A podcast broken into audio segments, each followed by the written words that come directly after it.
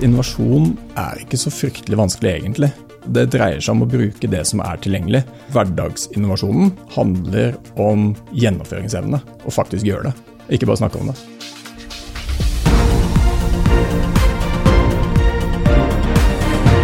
Dette er All In med Oslo Business Forum.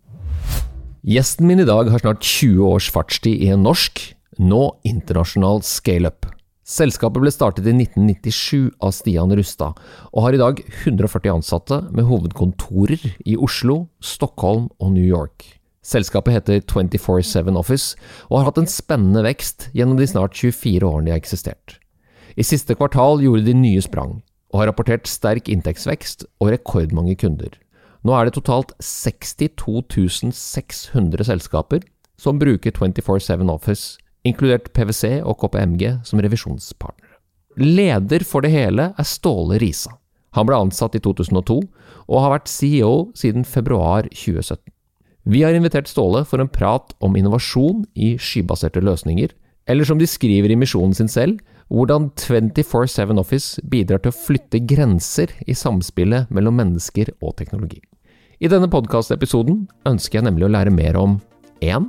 Hvordan har Ståle og 24-7 Office-gjengen jobbet under pandemien? 2. Hvordan forretningsutvikler man forretningssystemer i skyen? Og 3. Har de noen egenutviklet metodikk som vi kan lære av i scaleupen 24-7 Office? Finnes det en 24-7 Office Way? Velkommen til podkasten All In med Oslo Business Forum, en podkast for ledere som er lidenskapelig opptatt av ledelse, innovasjon og strategi.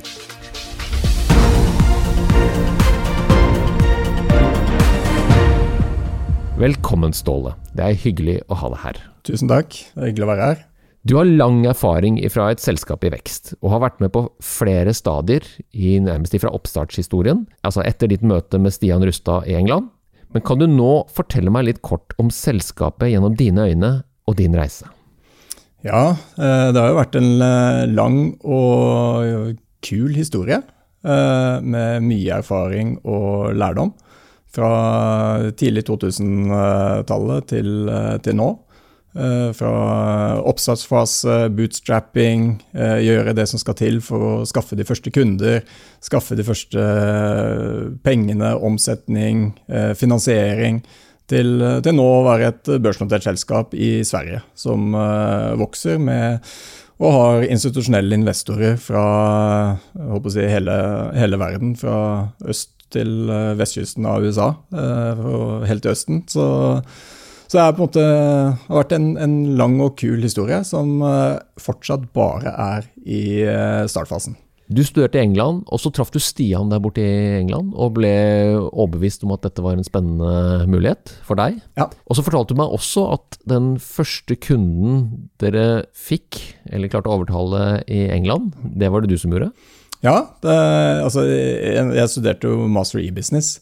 Og hva skal si, den samspillet mellom teknologi og økonomi, det var, det var på en måte min, det jeg syntes var spennende. Og så har jeg alltid syntes det har vært spennende og gøy med startup og finne på ting. Ikke bare, jeg, ikke bare ha en jobb, men drive, med, drive noe og gjøre noe meningsfullt for, for egen del. Og da og når jeg traff Stian da, så er liksom sånn 24-7 Office er jo e-business. Det er økonomisystem som en teknologi, teknologibasert i skyen, som da var helt nytt i, i, i tidlig fase på internett. Så det gjorde det at jeg falt veldig for dette her. Og så var det at vi skulle ut og internasjonalt og store planer og, og alt det der. Og gikk rundt i Londons gater og skulle få på tak i de første kundene, for vi skulle jo oversette alt sammen til internasjonalt og lage en multinasjonal plattform. Og da var det ut og treffe folk i London og starte liksom hver eneste demo med 'Imagine everything is in English'. Og så vise systemet, og så til slutt, og prøver du mange ganger, så finner du noen som syns det er bra. Og da fikk en, en, en, italiener som drev et, et, firma i London, til å gå på dette her. Og begynte å oversette modul for modul og, med en live kunde. Og det er liksom bakgrunnen for grunnlaget for den internasjonale plattformen på 24 Office i dag. Fantastisk. Og nå er det 62.599 kunder etter Ja. denne. Eh, Jeg blir jo veldig glad av dette. Og kanskje vi også spørre deg om hvordan dere nå har hatt det under denne pandemiperioden. Hvordan har dette vært? Eh, Det har jo, som eh, veldig mange bedrifter, vært, vært en utfordring og, og, på en måte, og en endring. Eh, Men sånn for vår eh, altså Sektoren vår er jo ikke, er jo ikke rammet sånn sett. Eh, Vi har også vært flinke til å tenke eh, diversifisert kundeportefølje. Så vi har ikke gått på én spesifikk bransje. Vi har tenkt at vi skal være bransjeuavhengig, eh, sånn at vi ikke blir rammet av eventuelle oppganger og nedganger i ulike sektorer. Går det bra et sted, så skal vi være med på det, men går det dårlig, så skal vi ikke være med helt, helt ned i kjelleren på det. Så det å ha en, en, en, en plattform som er generisk, store, små kunder eh, Nå hele tiden så har vi jobbet med å få større og større kunder. Eh, og store kunder de klarer seg stort sett eh, gjennom, gjennom ting. Så det, den, den strategien har på en måte gjort at vi har vært godt posisjonert som et system gjennom eh, pandemien. Eh, og så har vi jo hva skal jeg si, det, er litt sånn practice what you preach. Eh, vi er ute og selger webbasert eh, regnskapssystem og CRM-system, prosjektstyringssystem, timeføring. Egentlig hele administrasjonen av en bedrift i skyen. Og da må vi jo Én er jo det at vi bruker vårt eget system på alt vi kan. Så regnskap, økonomi, CRM, kundecaser, prosjektstyringen. Alt det lå jo i skyen. Eh, og så er det jo noen deler rundt som vi ikke har, f.eks. kundeservice. Eh, det er en, et, et system vi ikke har i 24 Office, men der bruker vi et webbasert supportsystem. Vi bruker IP-telefoni og webbasert telefonisentral. Eh, vi bruker webbaserte verktøy til å styre produktutvikling, roadmap. Eh, og, selve utviklingsprosessen vår er, er et webbasert verktøy. Vi har brukt webmøter og vært vant til å ha si, avdelinger flere steder. Vi har hatt en fleksibilitet i arbeidshverdagen til folk fra før. Jobb hvor du vil, når du vil, har vært et av mantraene våre fra starten av. Så om det er på hjemmekontor eller på kontor eller hvilket kontor, det spiller ingen rolle. Så kulturen i 24 Office har vært der. eh, Og vi har brukt teknologiene som har vært der, og vært eh, veldig tidlig ute med alle teknologiene. Sendesk, som vi bruker på, på kundeservice, var vi en av de første kundene på. Så det å, å hele tiden være i hva skal jeg si, Vår bedrift har vært drevet i skyen.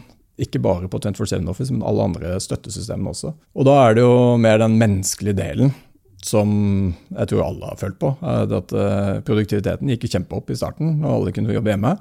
Og så blir man egentlig ordentlig lei av å sitte på hjemmekontor, og gleder seg veldig til å kunne komme på, på vanlig kontor igjen da, og treffe folk. Fleksibiliteten er fin, men tvunget fleksibilitet og tvunget isolasjon og tvunget hjemme, det er ikke noe holdbart over tid. Eh, Men sånn eh, rent eh, organisatorisk så har det fungert Altså, vi var klare. Og tallene er jo entydige. Dette har jo vært en veldig vellykket periode.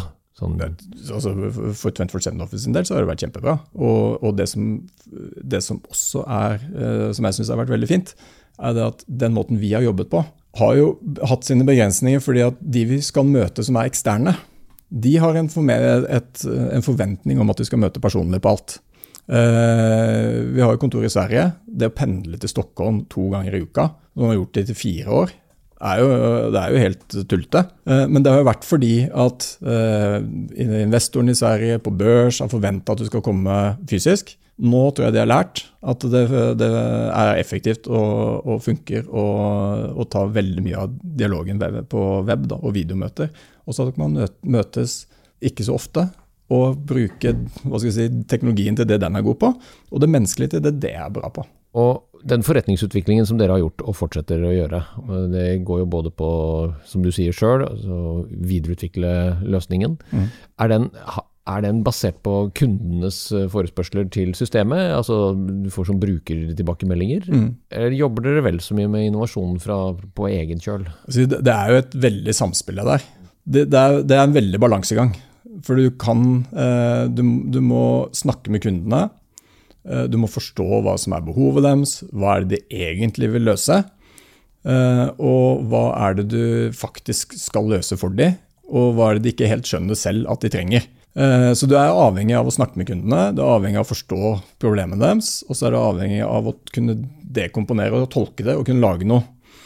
Og det er jo egentlig det som er, er den største, største biten, er å tørre å faktisk stå for noen av de valgene man skal gjøre. da, Hvor kunden altså det er jo, kunden vet alle, kunden vet best og alt det der. Ja, det gjør ofte det, men det er ikke alltid, det er det er ikke, det er ikke innovasjonsdrivende å bare snakke med kunder. Det er som uh, det gamle sitatet til Henry Ford. Måte, hvis han hadde bare hørt på kundene, så hadde de bedt om en raskere hest. Men de fikk en bil, for behovet så var transport. Og det er, der, det, det, det er ganske mye i det som, som, vi tenker på hos oss. er at Vi må tørre å stå i bresjen for det vi, det vi mener. Selvfølgelig lytte, høre, teste og få tilbakemeldinger og, og, hele tiden endre det. Men vi må Innovasjon skjer jo når du gjør noe med det. Har du, en, har du en slags intern eh, Når du leter etter balansen, da, på når du skal si til kunden at nei, nå ber du meg egentlig om bare å skifte farge på, på en funksjonalitet eller på en knapp, mens det vi kan gjøre her, er jo ratte om hele kjernesystemet. Mm. Har dere en eller annen stopp, go-diskusjon på dette internt? Ja, altså vi sitter jo og diskuterer hele tiden på hvor langt skal vi, hvor langt skal vi dra. Skal vi tørre? Eh, og, og, da er vi jo inne liksom i, i si, kjerneverdien i 24 Zen Office. Å være modig, tørre og nysgjerrig. Eh, så det er bedre å prøve og så får vi teste, og så ser vi hva kundene sier. da. Og så får vi tilbakemelding, og så må man, eh, må man på en måte gjøre noen endringer. Og alt kan ikke være perfekt første gangen. Eh, så du må på en måte tørre å legge hodet litt på blokka, og så må man tørre å feile. Eh, og hvis man tør det, så tror jeg man komme til å gå ganske mye fortere fram. Da. Men så jobber dere også med Jeg vil jo si, jeg har møtt på mange folk i mitt liv som har vært grad mot uh, regnskap og kontroll, og, og, de er ikke nødvendigvis de som er de mest interesserte i at ting plutselig skal være annerledes uh, når Nei. du kommer og logger deg på et system. Nei. Uh, og da blir jeg jo også litt nysgjerrig.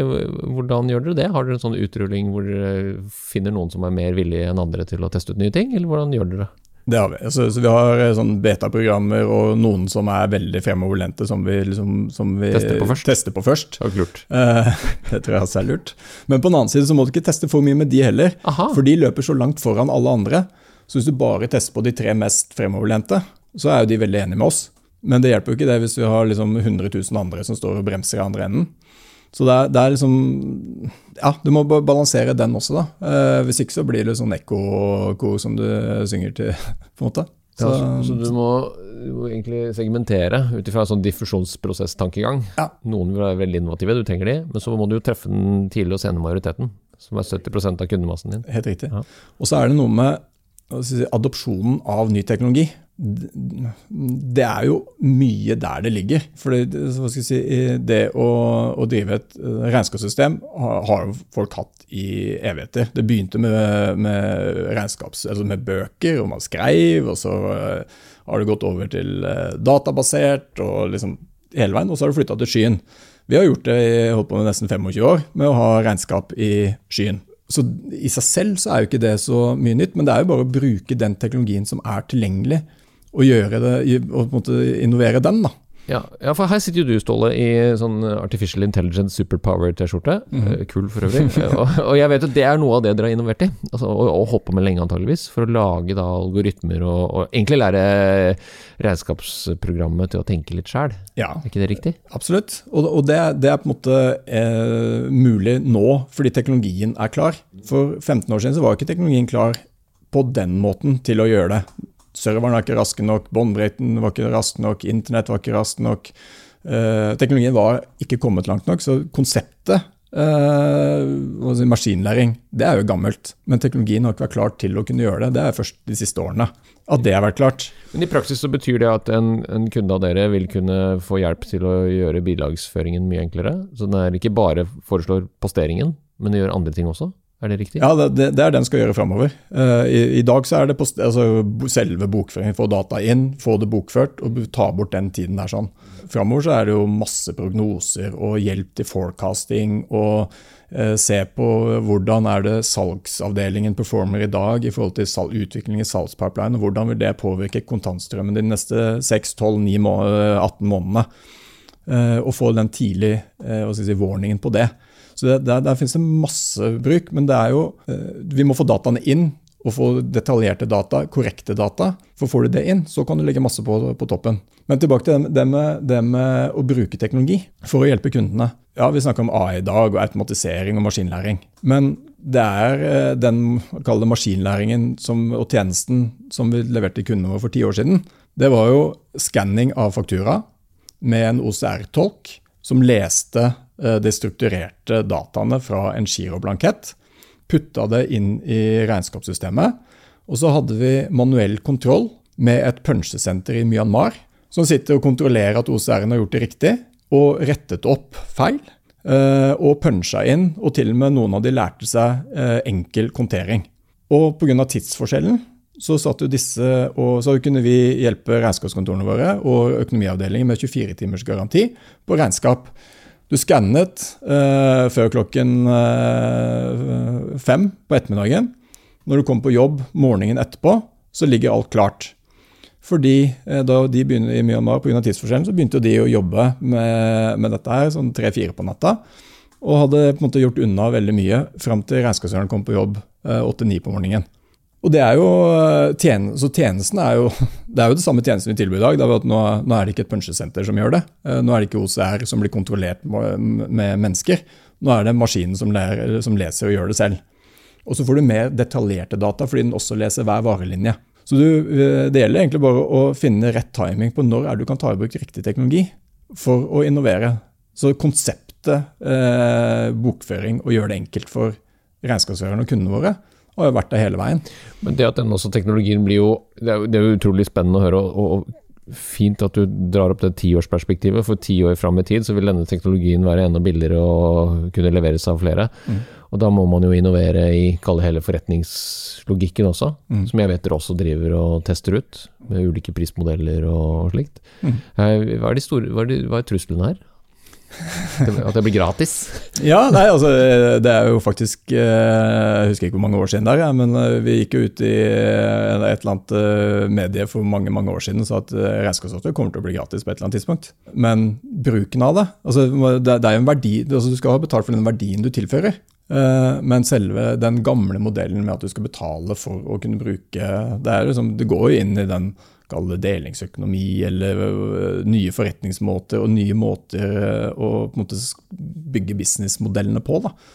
Så, så vi, når vi snakker automatisering, som er liksom noe av det aller høyeste på agendaen vår, er liksom, hvordan kan vi automatisere mest mulig hele tiden? Og sluttmålet da, når du snakker med noen utviklere, så er det sånn ja, nei, altså, Hvis du automatiserer alt, så er det ingen som trenger å logge inn.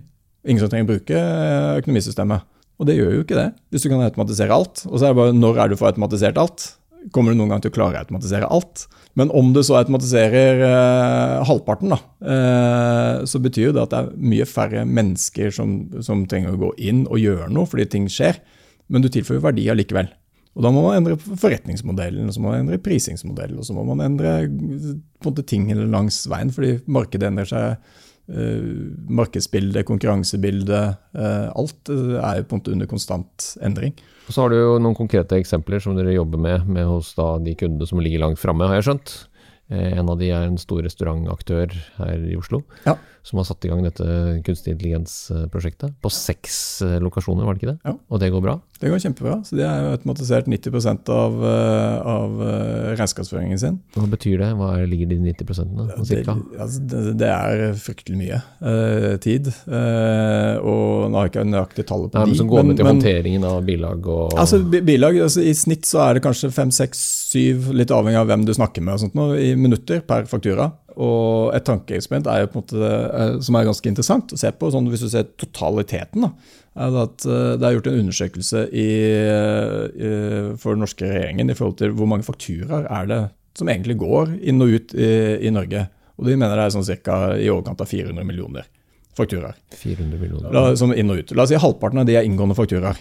Eh, og så tar du da, Hvis du sier at det er, er fem minutter per faktura, så blir det helt enorme eh, summer. Da, da sparer vi å automatisere 90% som er målet vårt, da, så sparer vi liksom 15-16 millioner timer hvert år til å håndtere inngående fakturaer. Det er nesten 10 000 årsverk. Altså, det, er helt, altså det, det er sånne enorme summer. Og så har vi en kunde i Sverige eh, som driver med regnskapsføring for, eh, for eh, boligsameier. Så de har 4000 boligsameier, 650 000 leiligheter, eh, hvor de gjør bokføringen. Eh, de mener at de kommer til å spare 25 000 timer i året til bokføring. Enorme summer. Så det, det blir sånn enorme proporsjoner ut av det. Og det er kult å være med på det og hjelpe til å effektivisere det. For det er jo ikke sånn at de tenker at å, nå mister vi alle folka våre. Eh, nå, vi, nå, nå, trenger vi ikke de menneskene lenger. De har sykt mange andre ting som de kan gjøre uh, istedenfor. Så én ting er besparelsen på de uh, HSB i Sverige da, på 25 000 timer. Men hvis du begynner å tenke på hva er det de faktisk kan bruke de 25 000 timene til for å generere nye inntekter, ny, uh, nye tjenester og jobbe med kundene sine enda mer, med 25 000 timer ekstra, istedenfor å sitte bare og håndtere en faktura som kommer inn. Det, jeg, jeg, er overbevist. Jeg, jeg er samtidig litt skeptisk også, for det er jo et kjempestort ansvar. Og noen ganger så går det sikkert helt galt, både for kunden og jeg vet ikke om det går galt for dere. Men det der, den automatiseringsiveren, da, den der optimismen knyttet til at uh, maskinene skal overta og logikken skal overta. Mm. Har du en sånn teknologioptimistisk side? Altså, har, du teknologioptimister i, rundt deg, og alle tenker bare, bare kjør på, full fart? Ja, vi har teknologioptimister. Eh, både altså, Vi har mange teknologioptimister. Har du noe som bremser i denne? Vi har teknologibremser òg. Ja, liksom, så, så, du må bruke begge deler. Altså, det, du må ha gass og brems. Ja. Og så må man vite når man skal snakke med de ulike. Eh, for Skal du liksom starte noe nytt, så kan du ikke starte med bremsen. Du må starte med gassen, og så kan du legge på bremsen etterpå. Eh, men hvis du begynner med bremsen, så blir det jo Da, blir, da kommer iallfall ikke så veldig mange ideer opp. Det kalles håndbrekk, Ståle. ja. Når det er på, så ruller ingenting. Men jeg, jeg, finnes det en sånn 24-7 Office-metode? Du var litt innom på verdiene deres. Men ja. har dere en metodikk eller en innovasjonsavdeling, eller hvordan gjør dere dette her? Ja, altså, vi, vi, har vel The 24-7 Office Way, eh, som er metodikken, DNA-et, tankesettet eh, vårt. Med modig, nysgjerrig, tørre, prøve, tørre å feile, gå, tørre å gå på en smell. Eh, det er liksom eh, det, det, tror jeg man må, må gjøre. Eh, og så ligger den der konstante utviklings, eh, konstant utvikling hele tiden være med, uh, se nye, nye, sider. Og, så, det, det, er mer et mindset enn en metodikk. Uh, så hvis man uh, kaller DNA og, og kultur som, som, metodikk, så er det vel egentlig det det, det det, er. Ser du etter det når du rekrutterer, eller lærer du opp folk? Når de kommer inn, så blir de formet av de andre som er der? Eh, både òg. Altså det, det, er jo eh, å få folk inn og, og få de med. Men det er jo, man må skape diversifisering der også, i meninger og, og mennesker.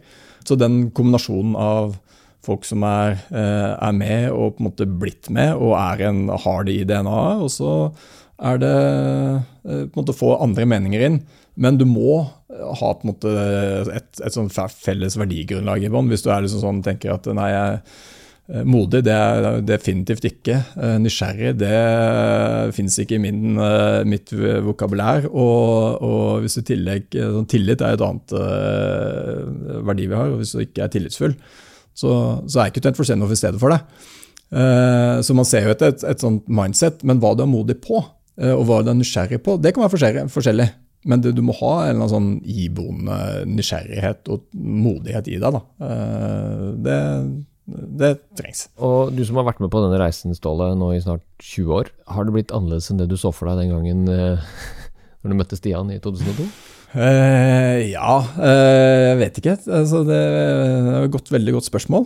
Eh, jeg tror eh, kanskje største lærdommen er at, at ting tar mye lengre tid enn det man tror. Og så er det litt den der eh, veien går seg til mens man driver. Det er liksom, eh, Hvert år så skjer det noe nytt, teknologien utvikler seg. Eh, den teknologien vi, vi lagde tjenester på og systemet på for 15 år siden, er jo totalt annerledes fra i dag. Så vi må endre oss. Og det er noe spennende i liksom det hele tiden måtte endre. Og det er jo noe av det vi også går ut til kundene våre og sier. er liksom at ok, Velger du 24 Office som leverandør, da kan du være trygg på at du får en leverandør som hele tiden følger med, evner å innovere og hva skal jeg si, nyskape og henge med i timen. Sånn at som, som kunde av 24 Office så trenger du ikke å tenke på at, at nå må jeg finne ut okay, hvilken hva, hva, skal jeg sky nå? Er det blokkjede som blir det neste? Er det kunstig intelligens? Eller, hva, hva, er det? Ja, det får du hos oss. Uh, det, det, driver vi med, så kan de konsentrere seg om det andre. Og så er det si, det de må fokusere på, er liksom bruk den teknologien som er der. Det er liksom, For veldig mange så holder det. Ja, Det er veldig fint oppsummert, og du er veldig klok i betraktningene dine når du, når du peker på disse skiftene. altså Teknologi, kall det paradigmer, kommer jo og går. Mm. Og så lurer jeg på nå helt på tampen her om du er det, er det, en omløpshastighet som går raskere, eller er det bare noe vi som er fra utsiden og som ikke kjenner bransjen som er drevet av teknologi da, og forretningsutvikling, som er bare noe vi sier? Går det fortere og fortere, eller opplever du at uh, det er liksom, over, over, dere overskuer dette her? Nei, altså, jeg, jeg, utvikling går fortere og fortere. Teknologien blir bedre og bedre. Uh, så det, mye, det er mye raskere å utvikle i dag enn det det var for 20 år siden. Å programmere, altså for, for eksempel, altså det å programmere noe i dag går mye kjappere tar kortere tid, ja. tar kortere ja. tid enn å programmere noe eh, for 15 år siden. Det å levere noe på internett i dag, det går mye fortere med 5G og, og fiber enn det det gjorde når vi, altså av de første serverne i 24 var på dial-up-modem. Mm. Men det er en liten felle i dette her, skjønner du, det jeg spør deg om. For at uh, enhver samtid vil alltid tenke at nå går det fortere enn noensinne. Det tenkte nok også Henry Ford. Mm -hmm. Og hans ulykksalige sønn, jeg vet ikke om du kjenner til historien om Eidsel Ford. Han satt jo og ventet kjempelenge på at han gamle faren, han gikk jo aldri av. Når han endelig gikk av og Eidsel fikk muligheten, så gjorde han det motsatte av det faren hadde sagt. Han spurte nemlig markedet. Mm. Og så hentet han inn alle mulige slags input på hva slags bil han skulle lage. For han skulle vise faren og alle andre at uh, her er det mulig å lage den perfekte bil. Den het Ford Eidsel. Mm. Det ble en katastrofe. Mm. For den hadde jo da litt av det alle ville ha. Så det er verdt å tenke over. Mm. Veldig godt poeng. Jeg skal oppsummere nå med litt sånn uh, tanker jeg tar med meg fra denne fine samtalen. Det, den reisen du har vært på, er jo det noe alle ønsker seg. Være med på en bootstrapping, uh, ligge i sovepose og være med på å forme et selskap. Mm. Som nok for mange nok har gått litt under radaren. Jeg var ikke klar over at dere var uh, børsnotert og verdt 2,2 milliarder svenske kroner. Mm. Og imponerende hvor tålmodig dere har vært. Selvfølgelig med Jeg har undervist mange år i innovasjon og entreprenørskap så dette er jo litt pinlig for meg, men at ting tar tid, mm. er fint at du sier. Og det må du fortsette å si. Fordi at det er litt for mange som hopper på selskaper og innovasjonsprosesser, og så tenker de at ja, vi skal ha en exit, eller vi skal ha pengene igjen om et år eller tre. Mm. Sånn er det jo ikke. Men den, med det du snakker om, det med Det er jo veldig engelsk dette her, da, og lett klisjéaktig, med 'practice what you preach', altså det å bruke sine egne verktøy, mm. og, og, og, og, kunne verktøyet du skal bruke, det undervurderes alltid. Ja. For det holder ikke å kjenne til det, du må kunne bruke det. Og særlig dere som da lever av det. Mm. Og tallene er jo helt entydige. Altså, du hadde ikke hatt 62 600 kunder hvis det ikke hadde vært skapt verdi for noen. Da hadde de brukt noe annet. Funnet et eller annet freeware, lasta ned ja, ja, fra en eller annen koreansk luguber-server. Men, men, det der med å, å, jobbe etter verdiene, jobbe med mindset og DNA og kultur, alle snakker om det. Dere høres ut som dere etterlever det. Mm. Det må du love meg å kjempe for, for det er verdt å kjempe for. Det skal vi gjøre. Flere dere blir, jo flere meninger blir det. Mm.